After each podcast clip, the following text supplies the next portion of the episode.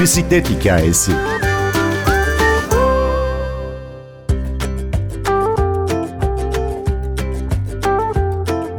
Ganj Nehri'nde yüzmeye, gün batımında Taj Mahal'i seyretmeye ne dersiniz? Bisikletli gezgin Aytaç Aksoy'la Hindistan'a gidiyoruz. Ben Gündür Öztürk Yener, bir bisiklet hikayesi başlıyor. Türkiye içinde tabii çok bisiklet sürdüm. Çok kamplı yolculuklar yaptım. Tur bisikletiyle yolculuklar yaptım. Onun getirdiği bir şeydi. Ben daha çok bisikletle olmak istediğim için, bisiklet üzerinde olmak istediğim için çünkü işte böyle yıllık izinlerinde hafta sonlarında bisikletle gidiyorum geliyorum. Yani beni kesmemeye başladı tabiri caizse. Sonra dedim ki ben bisiklet üzerinde olmalıyım. Daha iyi bir tur bisikleti aldım. İşte çantalar aldım, ekipmanlarımı bayağı bir iyileştirdim. Ve sonra kendime rota yapmaya başladım. Güney Amerika bunlardan bir tanesiydi. Güney Amerika'yı komple geçmek. İşte ya da Türkiye'ye kalıp Türkiye'yi gezmek. Ya da işte İran'a kadar gitmek. Avustralya'ya gitmek. Bunlar seçeneklerden bazılarıydı. Hindistan da seçeneklerin içindeydi. Hindistan, Nepal. Ben ayrıca yoga eğitmeniyim. E, yoga da hayatımda bir 8-10 yıldır var. Tabii Hindistan yoga merkezi olduğu için dedim ki hem Hindistan'a gideyim hem orada yoga eğitimi alayım, pekiştireyim. Hem onu istedim hem de işte Hintliler yani bu yogayı hayatların neresinde, ne kadar hayatlarına alabilmişler, ne kadar içselleştirmişler, günlük hayatta nasıl kullanıyorlar. Onu görmek istediğim için Hindistan'a gitmeye karar verdim. Yolculuk nasıl başladı diye sorsam birçok bisikletli gezginden şunu duyuyorum. Bu yolculuğa çıkmadan önce bir bisikletin nasıl paketleneceğini, uçağa nasıl yükleneceğini bile bilmiyordum ama bu yolculuk evet. bana çok şey öğretti diye. Sizin yolculuğunuz nasıl başladı? Siz neler öğrendiniz bu yolculuktan?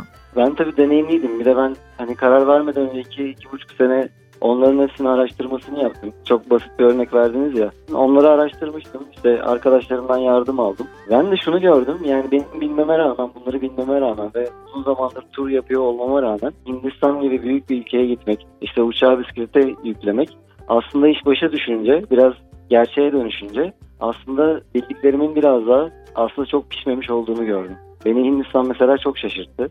Kalabalığıyla şaşırttı, kokusuyla şaşırttı, yani insanların ilgisiyle şaşırttı. Böyle bildiklerimin aslında çok iyi bilmediğimi gördüm yani. En çok bana onu öğretti. Hem halkın bisikletli gezgine nasıl baktığını sorayım, hem sokakları uygun mu, şehirleri uygun mu, rahat ettiniz mi, rahatça seyahat ettiniz mi ve nereden nereye gittiniz? Çok hareket ettiniz mi Hindistan içinde? Aslında çok güzel bir soru sordunuz. Yani bence özellikle benim çünkü Hindistan çok büyük bir ülke. Ben Hindistan'ın kuzey bölgesine gittim çok kalabalık şehirlerden geçtim. Yani bana sorarsanız bisikletle gezecek yerler değil aslında. Çok kalabalıktı. Çok böyle çadır kuramadım mesela. Çünkü her yerde insan var. Çok çadır kuramadım. Daha çok ucuz otellerde kaldım. İşte hostellerde kaldım. Hintlilerden arkadaş buldum. Onların evinde kaldım. Mesela bu çok güzel bir deneyimdi. Bunu yaptım ama yani şimdiki aklım olsa ben aynı bölgeye gitmem. Bir de ben Hindistan'ın Amritsar diye bir kenti var. Kuzeyde yer alıyor bu. Pakistan sınırına yakın biraz daha. Orası Amritsar'ın özelliği şeydir. Sih dini diye bir şey var. Bir din var. O dine inananların aslında merkezi orası. Orada bir Golden Temple var. Onu görmeyi çok istemiştim ben. Yani yolculuğum Golden Temple'da başladı aslında. Kendime işte orada bir arkadaş buldum. Sağ olsun bana insan hakkında bilgiler vardı. Anlattı işte şöyle yap böyle yap şuradan git buradan git gibi. Onun rehberliğinde daha sonra Amritsar'dan biraz daha güneye inmeye karar verdim. Rijikeş'e gittim. Rijikeş'e gitmemin özelliği de şeydi. Rijikeş Dünya Yoga Merkezi olarak geçer. Yani yoganın orada Rishikesh'te doğduğu söylenir. Orayı çok merak ediyordum. Rishikesh'te ise 12 günlük bir şey aldım. Yoga eğitimi aldım. Bir aşramda kaldım orada. Ondan sonra daha kuzeyde Dramsala bölgesi var. O da işte şeydir eskiden işte bu Amerikalı, Avrupalı hippilerin takıldığı yer. Orası da çok güzel bir yer. Doğası çok güzel olan bir yer. Himalayalı dağlarını görürsünüz böyle oturduğunuz yerden. Ondan sonra Delhi'ye geçmeye karar verdim. İşte Dramshala'dan Delhi'ye geçerken bu sefer tabii şeyi gördüm. Yani yollar ciddi bir kaos böyle işte Hindistan trafiği derler ya Hindistan kalabalığı derler. Onu yaşamak en büyük bir şeydi, keyifti. Ama çok da stresliydi aynı zamanda. Çünkü böyle hani bizim öğrendiğimiz gibi, bizim bildiğimiz gibi trafik kuralları orada pek geçerli değil. Yani arabalar fren yerine mesela sürekli kornaya basıyorlar. İşte bir kavşağa gelirken kırmızı ışıkta durmaya yakın, işte ben geliyorum dercesine, önümden çekilin dercesine böyle çok rahatsız edici bir korna sesiyle geliyorlar. Önce ben şey yaptım o trafikte giderken Allah Allah dedim yani acaba bana mı bu kornaları çalıyorlar? Dönüp arkama bakıyordum birkaç kere yaptım bunu. Sonra alıştım tabii. Dedim ki Aytaş seninle ilgisi yok yani bu kendi akışları böyle. Öyle bir rahatlattım kendimi onu öğrendikten sonra. Berlin'de bir hostelde kaldım. İşte Hintli bir arkadaşım geldi. Orada tanıştım. Onunla beraber 4-5 gün Belgi'yi dolaştık. Sırt çantasıyla gezdik. Bu arada ben şey söyleyeyim. Yani Hindistan her yerine bisikletle geçmedim. Otobüs kullandım. Çok güzel tren yolculukları yaptım.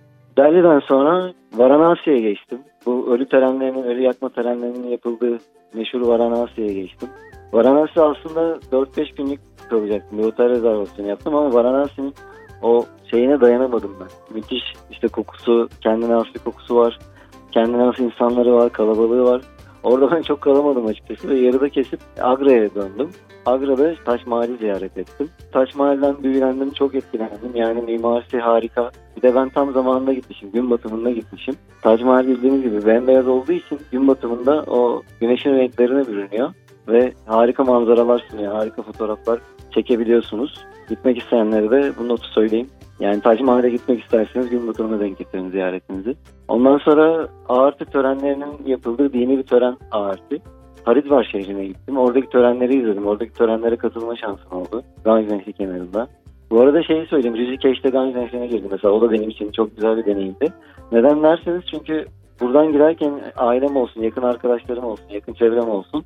İşte aman hijyenine dikkat et. İşte duşa giriyorsan başını yıkama. Özellikle Varanasi'ye dikkat et. Ganj Nehri'ne dikkat et. Sakın parmağını bile değdirme dediler ama ben Rüzikeş'te çünkü Ganj'ın başladığı yer olma sebebiyle çok temizdi. O yüzden Ganj'da yıkandım mesela. Böyle bir şansım oldu. O yüzden kendimi şanslı hissediyorum. Hindistan kararı trafiğini saymazsak, keşmekeşini saymazsak bence doğru bir karardı. Hintlilerin bisikletli bir gezgine yaklaşımı nasıl? Ben dediğim gibi 4-5 farklı ailenin yanında kaldım. Gerçekten çok güzel insanlar bu arada. Bana her konuda yardımcı oldular. Yani mutfaklarını açtılar, evlerini, yataklarını açtılar. Onlarla birlikte misafirliklerine tanık oldum mesela gittim geldim. Benim arkadaşım şey demişti. Utandı adı. Utama ben dedim ki ya utan dedim yani kaos var ben burada nasıl bisikletle yol, yol. Yani dedim ciddi anlamda korkuyorum. O bana şey dedi ya İtaş dedi biraz dedi kendine zaman vermelisin. Hintliler dedi Bisikleti severler zaten de emekçi bir halk dedi. İşte evlerini, dükkanına alacakları malzemeyi zaten bisikletle taşıyorlar. Yolda bunları çok göreceksin. O yüzden sana da saygıyla bakarlar ve sevgiyle bakarlar. Bir kere işte gezi olarak, yolculuk olarak Hindistan'ı seçmenden gurur duyarlar. Onun da verdiği bir gurur dedi. Ve yolda ben hiç sıkıntı yaşamadım. Yani böyle bir sataşma, taciz sadece o arabaların kalabalığı vardı. O kadar. Onun dışında gerçekten Utam'ın dediği gibi sonra ben yol almayı başladıktan sonra gördüm. Gerçekten işte evlerini taşıyorlar, dükkan malzemelerini taşıyorlar, pazar alışverişlerini bisikletlerle yapıyorlar. Yani aslında birçoğu bisiklette iç bir hayatları var. Farklı bir ülkeye bisikletle gitmeyi düşünenlere ne önereceksiniz? İşte para birimini bile öğrenmeleri gerekiyor. Bazen insanlara bu çok basit geliyor. Ya orada işte vereceğim doları, yerel para neyse onu alacağım falan gibi şeyler söylüyorlar ama ya yapabildikleri kadar araştırma yapsınlar. Nerede ne içilir, nerede kalınır. Özellikle bisiklet turcularına ya rota çıkarsınlar mesela.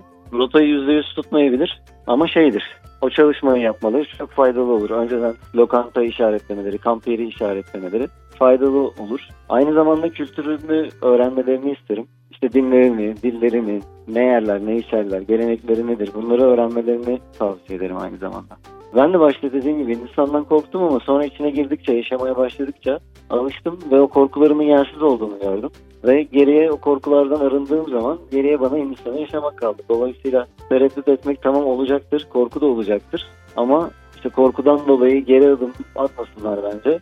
Keyif almaya baksınlar. Sere üstünde dünyaya bakmaya devam etsinler. Korkuları yenmek için güzel bir reçete. Kendimizi bisiklet üzerinde rüzgara bırakmak. Ben Günür Öztürk Yener, prodüksiyonda Ersin Şişman, Sele üstünde dünyaya bakmaya devam edeceğiz. Yeniden buluşalım.